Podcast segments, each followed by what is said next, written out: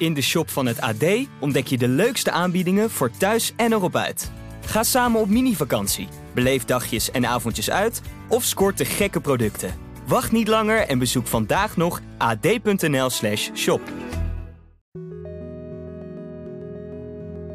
De vrouw ondervindt het natuurlijk lijfelijk, die voelt alles gebeuren, die moet ook alles ondergaan. Maar ik denk dat die impact voor de man ook wel heel erg heftig is. Juist omdat je een beetje langs de zijlijn staat en niks kan doen. Hoe beleven mannen het als hun vrouw een miskraam heeft? Bas maakte het twee keer mee. Dan zak je echt enorm door de grond heen. eh, alsof, er, alsof je weer een vuistslag in je gezicht krijgt. In Miskraammonologen, een podcast van Ouders van Nu, het AD en alle aangesloten regionale dagbladen, vertelt Bas zijn verhaal. Hij en zijn vriendin Femke leren elkaar kennen als ze al dik in de dertig zijn. Na die eerste heerlijke fase van verliefdheid, samen reizen, elkaar beter leren kennen, komt hun kinderwens ter sprake. Ja, toen we elkaar denk ik wat beter gingen leren kennen en wat, wat, eh, wat dieper erop ingingen. En, en we ook begonnen te beseffen dat, eh, dat leeftijd ook mee ging spelen. Eh want Femke die was eh, 40 op dat moment. En ik, ben, ik ben drie jaar jonger, dus ik was 37. En toen hadden we wel zoiets, ja, als we het willen, dan moeten we er nu wel, eh, wel mee gaan beginnen. Want anders worden we hele oude ouders. Dus toen zijn we er eigenlijk mee begonnen. Eh, en dat lukte niet, natuurlijk. En eh, nou ja, goed, dan kom je op een gegeven moment traject terecht. Hun medische traject begint met IUI, een methode waarbij de best bewegende zaadcellen uit het sperma van de man worden geïsoleerd en vervolgens met een dun slangetje in de baarmoederholte van de vrouw worden ingebracht. Het was, het was heftig en, ook heel interessant omdat het nieuw is. En ik, ik vind die wetenschap daarachter vind ik heel interessant altijd. Dus, dus het was voor mij een beetje, een beetje tweeledig. A, de interesse van de, van de wetenschap. Super knap dat ze het kunnen en hoe werkt het allemaal. En aan de andere kant heel erg spannend. Omdat je toch hele bewuste stappen neemt om, eh, om zwanger te kunnen raken. En daar eh, op een andere manier mee bezig bent dan de gezelligheid als het eh, op de natuurlijke manier is. Maar heel, eh, ja, toch wel heel klinisch daarmee bezig bent. Dus dat is, dat is een, een rare combinatie, maar wel heel erg spannend. Want ze hadden eigenlijk gezegd ja, tussen de vier en de zes keer, eh, dat is een beetje het gemiddelde wat er, eh, wat er is om zwanger te worden. Plus dat de arts ook had meegegeven dat haar leeftijd meespeelde en dat hij de kans vrij klein achtte dat, dat ze zwanger zou raken überhaupt. En toen was het de derde keer was het raak. En ja, toen stonden we in één keer met een positieve zwangerschapstest in de handen. En dat was een heel apart gevoel. Um, op het moment dat je die, die test ziet en, eh, en dat, dat streepje verschijnt, dat je denkt van, oh jee, en nu? Wat gaat er allemaal gebeuren? En eh, dan, ja, het is een soort euforie die, je, die, je niet, die ik niet zo heel goed kan omschrijven. Maar het is, het is iets heel moois, heel intens, eh, waar je eigenlijk al, al tijden op hoopt. En in één keer is het, is het bewijs daar dat het gaat gebeuren. En dat, ja, dat is een, een super gaaf gevoel. Ja. Na vijf weken eh, kregen wij de eerste echo. En dat was, eh, dat was bij de fertiliteitskliniek waar we, waar we liepen. En dat was met vijf weken, omdat wij een, eh, een medische indicatie hadden. Eh, en toen kwamen we daar voor die echo. En we stonden eigenlijk na vijf minuten weer buiten. Vijf tot tien minuutjes zoiets. Dan was het allemaal al gebeurd. Dat was een vrij, eh, vrij botte arts die daar, eh, die daar was. En nou, dat was eh, de, de, de probe erin en kijken en zeggen... nou ja, ja, ik zie toch niet wat ik, wat ik had gehoopt. Ja, Oké, wat, wat had je gehoopt? Wat, wat, wat wil je zien? Waar ben je naar op zoek? Leg eens iets uit. Ja, dat gebeurde allemaal niet. En eh, toen was het, ja, ik had eigenlijk een hartje willen zien kloppen, maar dat zie ik niet. Dus ja, dit is niet goed. Probe eruit en eh, ja, succes daarmee. Dus toen stonden we eh, daarna stonden we op de gang een beetje verslagen. Veel, wat, wat, wat is hier nou gebeurd? We hebben niet gewacht dat het natuurlijk zou komen, omdat het eh, dan alsnog niet zeker is of alles dan weg is. En door haar leeftijd hadden ze iets, ja, we gaan geen maanden weer, meer wachten om weer verder te kunnen. Eh, dus we hebben voor, uh, tenminste, we, ja, we, hebben voor uh, de curettage gekozen. En dat heeft ze laten doen. En dat, ja, na, twee dagen was alles weer, weer prima. Ik, ja, ik ben daar wel, nou, niet, niet nuchter, ik weet niet of dat het goede woord is. Ehm, Maar ik kan het op dat moment kan ik, het, kan ik mijn gevoel een beetje uitschakelen en er alleen maar voor haar zijn. Eh, en dan komt mijn gevoel wel een keertje. Uh, dus op dat moment ben ik er gewoon voor haar geweest. En eh, de emotie die erbij komt kijken, is dat het heel moeilijk is dat je, ja, dat je iets weg laat halen wat, wat je eigenlijk niet, niet weg wil laten halen. Om, omdat je wil dat het wat moois wordt. Ja.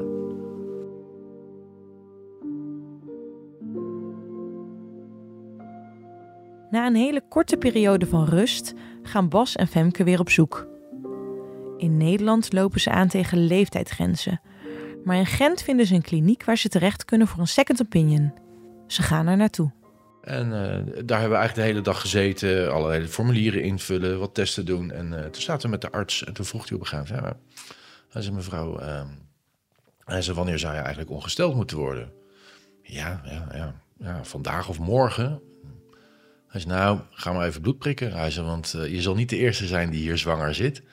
Uh, dus alles iets, nou ja, oké, jij zegt het, we doen het wel. Dus wij gingen, gingen naar beneden, bloed prikken. En, uh, en in de auto terug vanaf, uh, vanaf Gent in Nederland hadden we het er voor de grap zo over. Ja, wat zou er nou gebeuren? En dat kan toch niet waar zijn? En, ja, totdat we s'avonds gebeld werden. Tenminste, was het, ja, kwart voor vijf, zoiets, vijf uur s middags. toen werden we gebeld door het ziekenhuis in Gent. Ja, gefeliciteerd, je bent zwanger. En dan is iets, nou, dat, dat kan niet. Dit is, dit is raar, dat is toeval. En uh, nee, dat klopt allemaal niet. Dus dat hebben we nog even afgewacht. Uh, nou ja, toen hebben we geloof ik een hele berg zwangerschapstesten doorheen gejaagd. Om te kijken of het echt wel klopte. En uh, ja, toen was ze dus weer zwanger op korte termijn weer.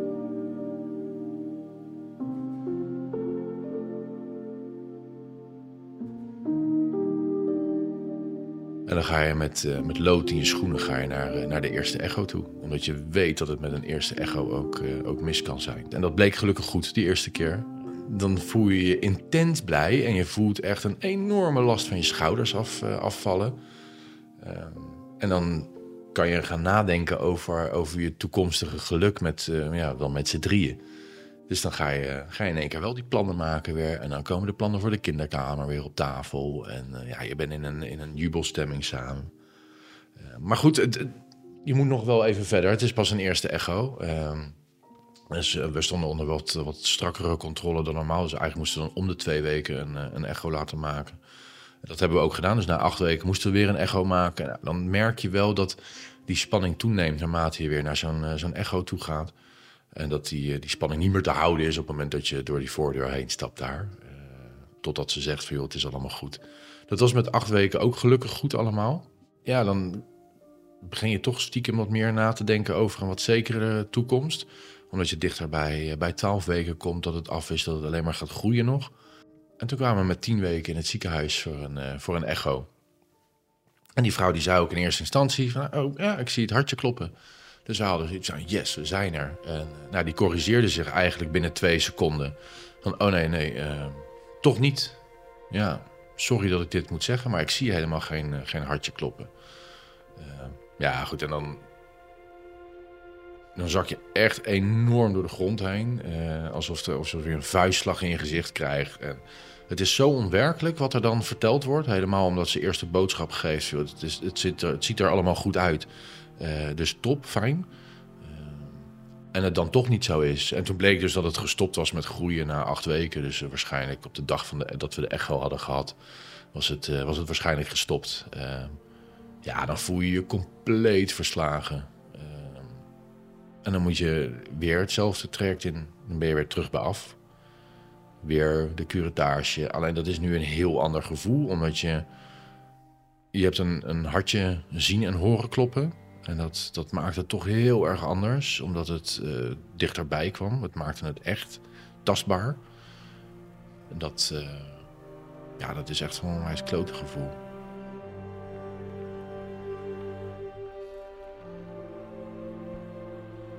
Ik merkte in die tussentijd ook weer dat, uh, dat eigenlijk alle aandacht daarin, ook in dat hele traject, ook naar, die, naar de vrouw toe ging.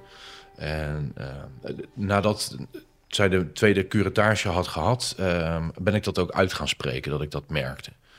Um, ik heb dat ook uitgesproken naar, naar mensen waar wij het, het verhaal tegen vertelden. Veel, en die het zelf ook hebben meegemaakt, die miskramen. heb ik ook aan gevraagd, hoe, hoe heb jij dat als man ervaren? Joh, um, merkte jij dat die aandacht naar de vrouw toe ging. En op het moment dat ze daarover na gingen denken, konden ze alleen maar zeggen: ja, dat, dat is waar. Artsen, uh, familie, vrienden, iedereen heeft die focus op de, op de vrouw liggen en vraagt eigenlijk niet hoe het met de, met de man gaat. Uh, ja, logisch, omdat de vrouw dat natuurlijk ondergaat. Zij is degene die daar, die daar ligt. Uh, die moet alles ondergaan, wat je ook kan bedenken. Uh, maar het is voor die man ook heel erg belangrijk, want hij ziet daar wel zijn vrouw heel kwetsbaar zijn.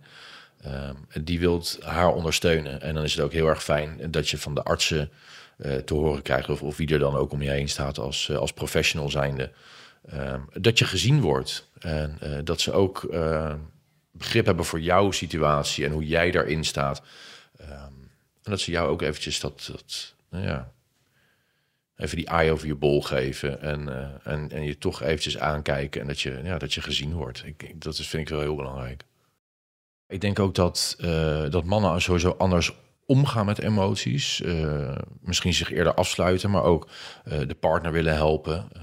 wat ik eerder ook al aangaf, is dat ik mijn eigen gevoel even uitschakelde. En ik denk dat is ook iets wat ik veel hoor, dat ze dat ook hebben gedaan, waardoor er geen ruimte meer is voor hun eigen gevoel. Dat ze denken, joh, het komt wel, ik ga aan het werk en het, is, het is goed zo. Um, maar die impact die is er zeker wel. Uh, juist omdat je een beetje langs de zijlijn staat en niks kan doen. Het enige wat je kan doen is er zijn voor je partner, uh, haar ondersteunen daarin. terwijl dat je het liefst zou je alles over willen nemen. Geef mij die ellende maar en curateer mij maar, uh, geef mij al die ellende. Maar je, je kan niks doen en dat, dat maakt je wat machteloos. Dus ja, daar zit, dat is best een, een, een heftig stuk. En daar moet je maar net mee omzien te kunnen gaan.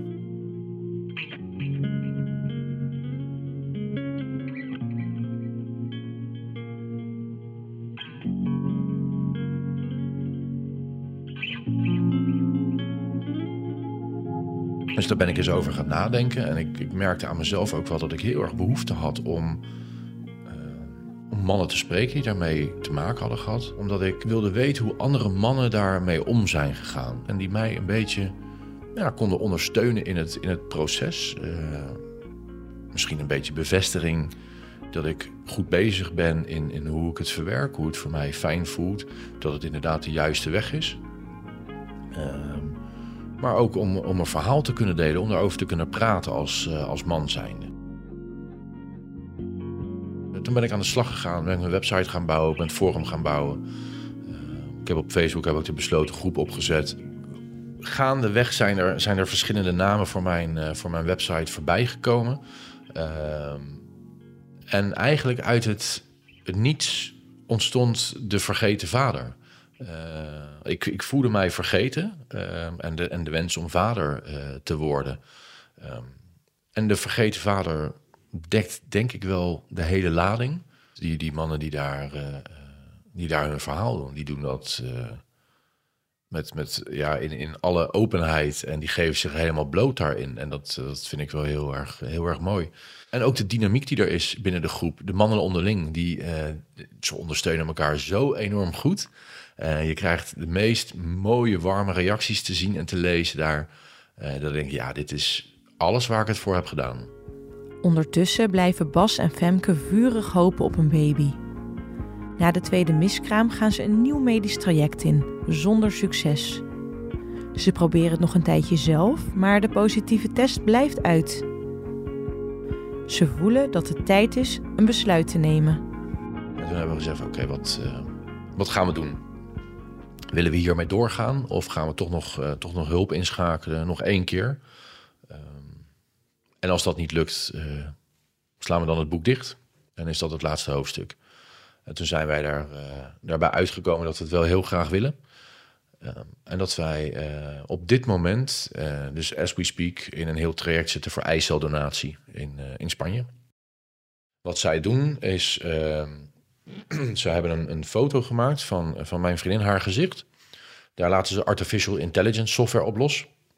En die meet op meer dan 100 punten in haar gezicht, zodat uh, de donor er ook op lijkt. En daarbij krijg je ook nog meer uiterlijke kenmerken. Wat voor kleur haar heb je? Wat voor kleur ogen heb je? Um, is je haar stel? Is het golvend? Is het krullend? Uh, nou ja, allemaal dat soort eigenschappen wordt, wordt ook naar gekeken. En op basis daarvan wordt een donor daarbij gezocht. En eh, ze zeggen dat het twee tot vier weken kan duren. Wij gaan zelf uit van zes tot acht weken. En ze zijn inmiddels vier weken bezig met zoeken. Dus uh, ja, het wordt steeds spannender. En dan moeten we naar Spanje toe. En dan wordt het uh, ingebracht. Dan moeten we hopen dat het innestelt. En dan hopen we een week of twee later een positieve test in handen te hebben.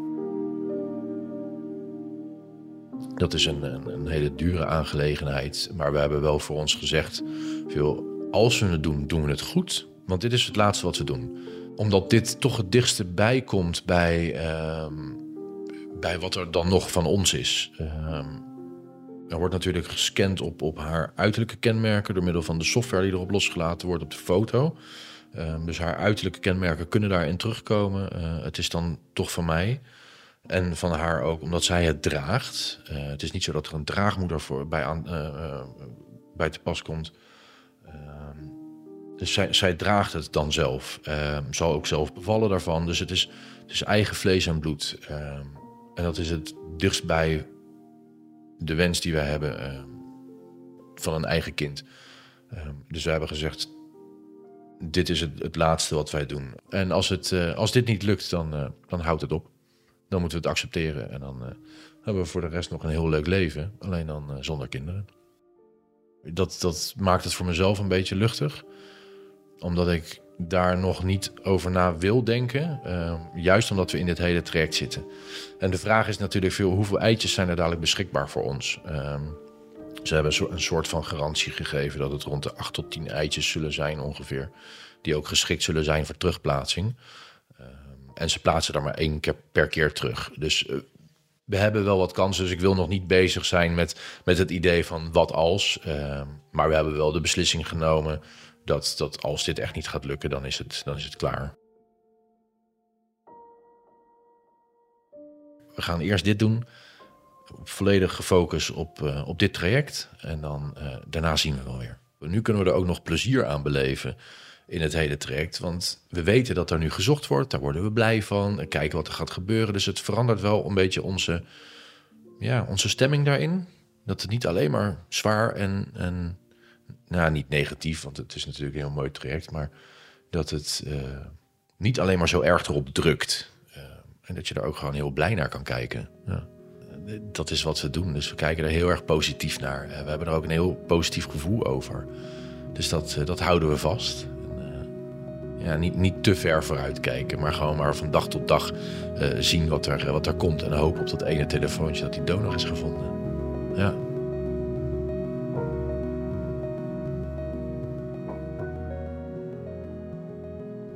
Je luisterde naar Miskraammonologen, een podcast van Ouders van Nu, het AD en alle aangesloten regionale dagbladen. Iedere aflevering een persoonlijk verhaal over miskramen. Wil je nou meer afleveringen horen?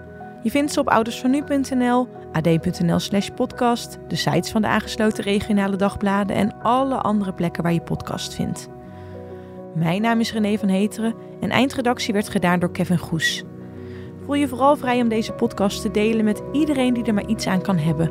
En we vinden het ook hartstikke leuk als je een review achterlaat of ons sterren geeft.